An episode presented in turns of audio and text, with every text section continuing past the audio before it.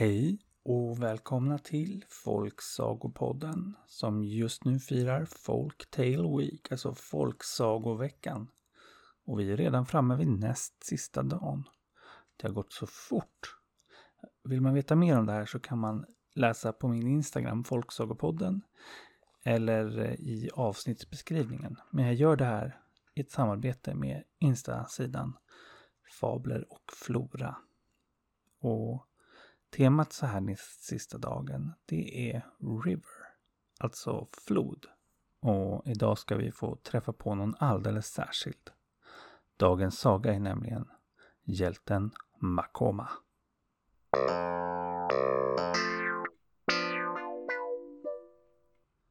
Det var en gång en liten by som låg vid den långa floden Zambesi. Och i den byn så var det en kvinna som var gravid och skulle föda. Men hon födde inget vanligt barn. Nej, det här barnet kunde prata och gå redan när det föddes. Och föddes dessutom med en hammare av järn i ena handen och en stor säck i den andra. Och genast när han föddes ville han ner till floden. Det var som att han visste exakt vart han skulle för han begav sig till ett vadställe i floden som var farligt för där var det fullt av krokodiler. Ja, nu hade hela byn flockats runt stranden. Det är inte varje dag det föds ett barn som kan gå och prata och har hammare och säck med sig. Så alla ville se vad det var som hände. Och de blev förskräckta när det lilla barnet hoppade ner på vadstället. Och ännu mer förskräckta när krokodilerna drog sig dit. Och helt utom sig blev de när hela vattnet plötsligt började bubbla och nästan koka och färgades rött. Ja, de tänkte att nu, nu är det ute med det stackars lilla barnet som var så speciellt. Men kort därefter så kom han upp på stranden igen utan en endaste liten skråma. Ja, eller var det verkligen han? Det, eh, de hade nog inte känt igen honom om det inte var för att han hade hammaren och säcken med sig. Han hade nämligen blivit en fullvuxen man där nere i vattnet. Det var krokodilernas blod ni såg. Jag använde det för att växa mig stark. Jag var trött på att vara barn redan nu, sa han. Och så presenterade han sig. Ni kan kalla mig Makoma. Det betyder den större. Ja, och Makoma, han gav sig genast vidare. Han tog sin lädersäck och sin hammare och gav sig iväg. Jag har förstått att det är fullt av en massa vidunder här ute. De ska jag ge mig ut och ge mig på. Så att ni ska kunna bo där ute. Och det var alldeles rätt. En stor del av världen omkring dem var obeboelig på den här tiden. På grund av att det strök runt en massa hiskliga monster och andra skrämmande varelser. Men det skulle det tydligen bli slut på. Makoma tog sin hammare och sin säck, korsade Zambesifloden och begav sig ut i det okända. Och snart så kom han till en plats med höga berg. Och där stötte han på en jätte. Och jätten stod där och höll på att bygga flera berg. Ja, då kan ni tänka er hur stor han är om man kan bygga berg med sina bara händer. Hej du, vem är du och vad håller du på med? Frågade Makoma. Jag är Chieswa Mapiri, han som bygger berg, svarade jätten. Ha, jag är Makoma. Eh, det betyder en större, sa Makoma. Större än vad då? frågade Chieswa Mapiri. Ja, större än det i alla fall din bergfjant, sa Makoma. Och nu blev Chieswapiri rasande och sprang mot Makoma för att mosa honom.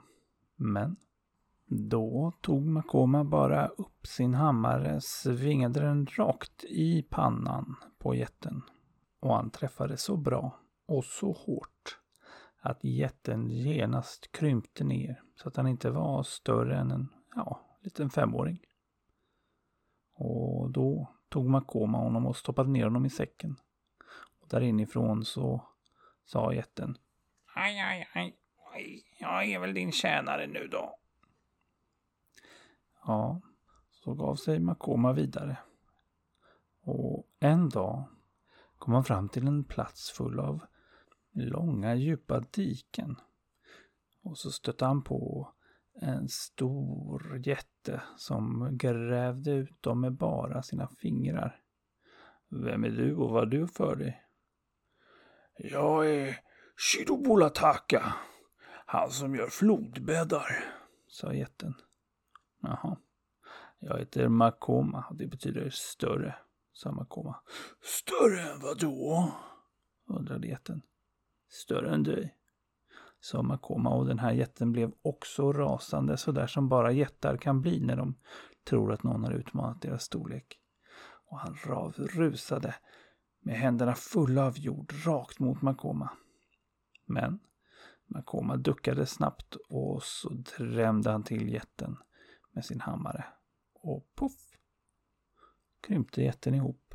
Han inte var större än en, ja, tre och ett halvt åring kanske. Oj, oj, oj, du har besegrat mig. Aj, aj, aj, jag är din tjänare nu.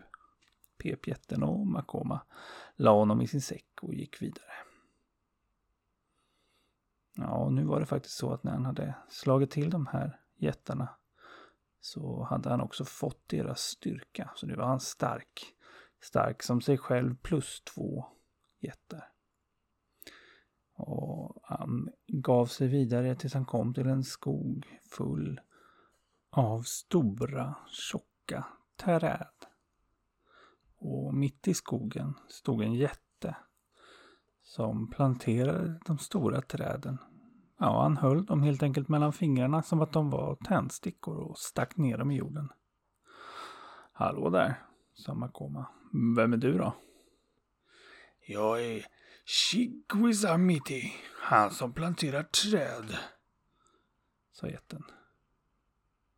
Jaså, ska du slåss eller? frågade Makoma. Men då skrattade bara Chiguisamiti.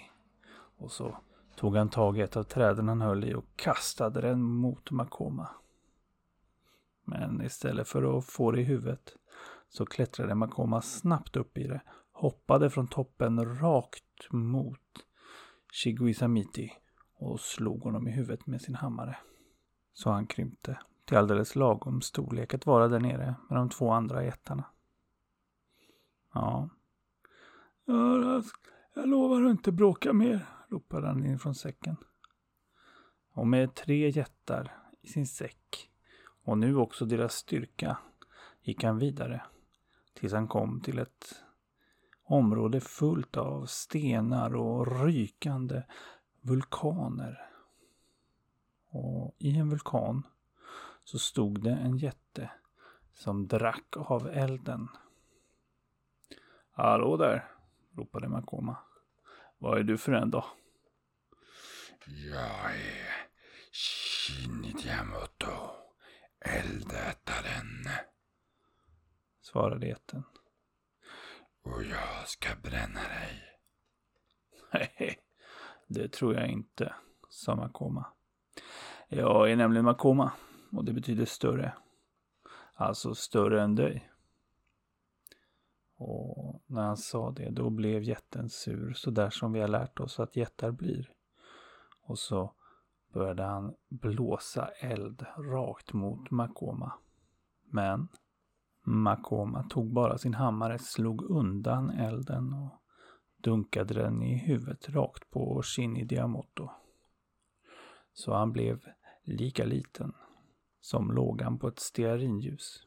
Och så stoppade Makoma ner honom i säcken.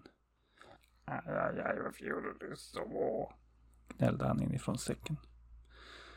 Men eh, snart så hade alla de fyra jättarna lugnat ner sig där i säcken och var riktigt nöjda med sin nya tillvaro. Det var ju jobbigt att bygga berg och gräva floder och plantera träd och äta eld. Det var ganska mycket skönare att hänga där i säcken. Och den kvällen så slog de läger och bestämde sig för att ge sig ut och jaga.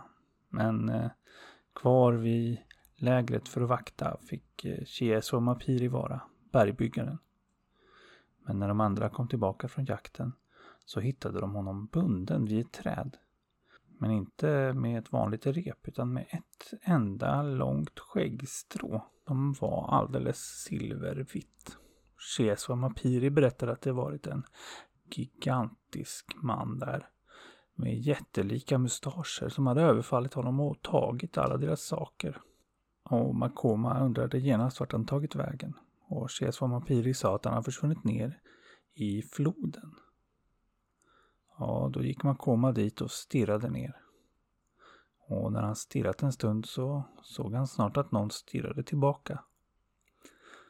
Och upp ur floden kom snart någon som var den största jätten han hittills stött på. Och han hade också den största mustaschen man någonsin kan tänka sig. Och Makoma förstod att det var han som hade bundit hans kompis och sa Hörru du, vad heter du? Ja, du kan få säga det nu innan jag bankar till dig med din hammare så att du aldrig kan säga någonting mer i hela ditt liv. Men då skrattade mustaschmannen och sa att han var Shindebomaogiri. Ja, det var hans mustasch som var dimman som kunde ligga över sin floden. Och att med den kunde han snärja in vem som helst och kväva dem. Men det brydde sig inte Makoma om utan han tog bara sin järnhammare och slog mot honom. Men Shindebo Maugiri hade ju legat på botten av floden och därför var han ganska så hal. Så hammaren bara halkade bort. Och snabbt så drog han bort ett av sina hårstrån och band fast Makoma. Makoma trodde att nu hade han kanske mött sin överman. Men så kom han på att han hade fått eldätarjättens kraft. Och genast blåste han ut lite eld som brände av hårstrået. Och sen tog han sin säck och kastade den över Shindebo Maugiris huvud. Och så slog han till den med hammaren. Och säcken var ju torr så nu halkade han inte. Och genast sprack jättens huvud i miljoner bitar.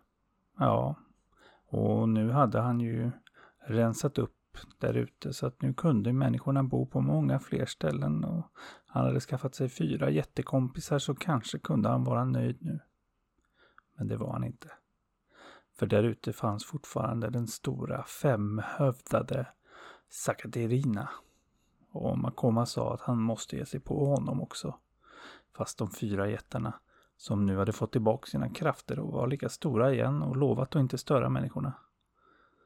De sa att ingen kunde ge sig på Sakaterina. Men Makoma sa, om Sakaterina är stor, så är jag större. Och så begav han sig iväg. Och nu var han inte längre stark som fyra jättar och sig själv, utan bara som sig själv. Men han tänkte att det här klarar jag ändå. Och till slut så kom han ut på en savann och där mötte han två kvinnor och frågade om de visste vart den store Sakatarina var. Och det visade sig att han hade himla tur med vilka han frågade. För de här två var nämligen gifta med just Sakatarina. Och de pekade bort mot två höga berg långt bort som sträckte sig ända upp över molnen. Ser du de där bergen där? frågade de. Ja, det gör jag, sa Makoma. Det är inga berg.